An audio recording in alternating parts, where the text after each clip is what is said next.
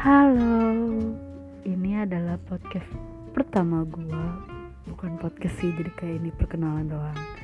Jadi nanti di podcast gue ini akan berisikan tentang berbagai macam cerita atau unek-unek yang ada di dalam pikiran gue Ataupun hati gue yang akan gue tuangin dalam bentuk podcast.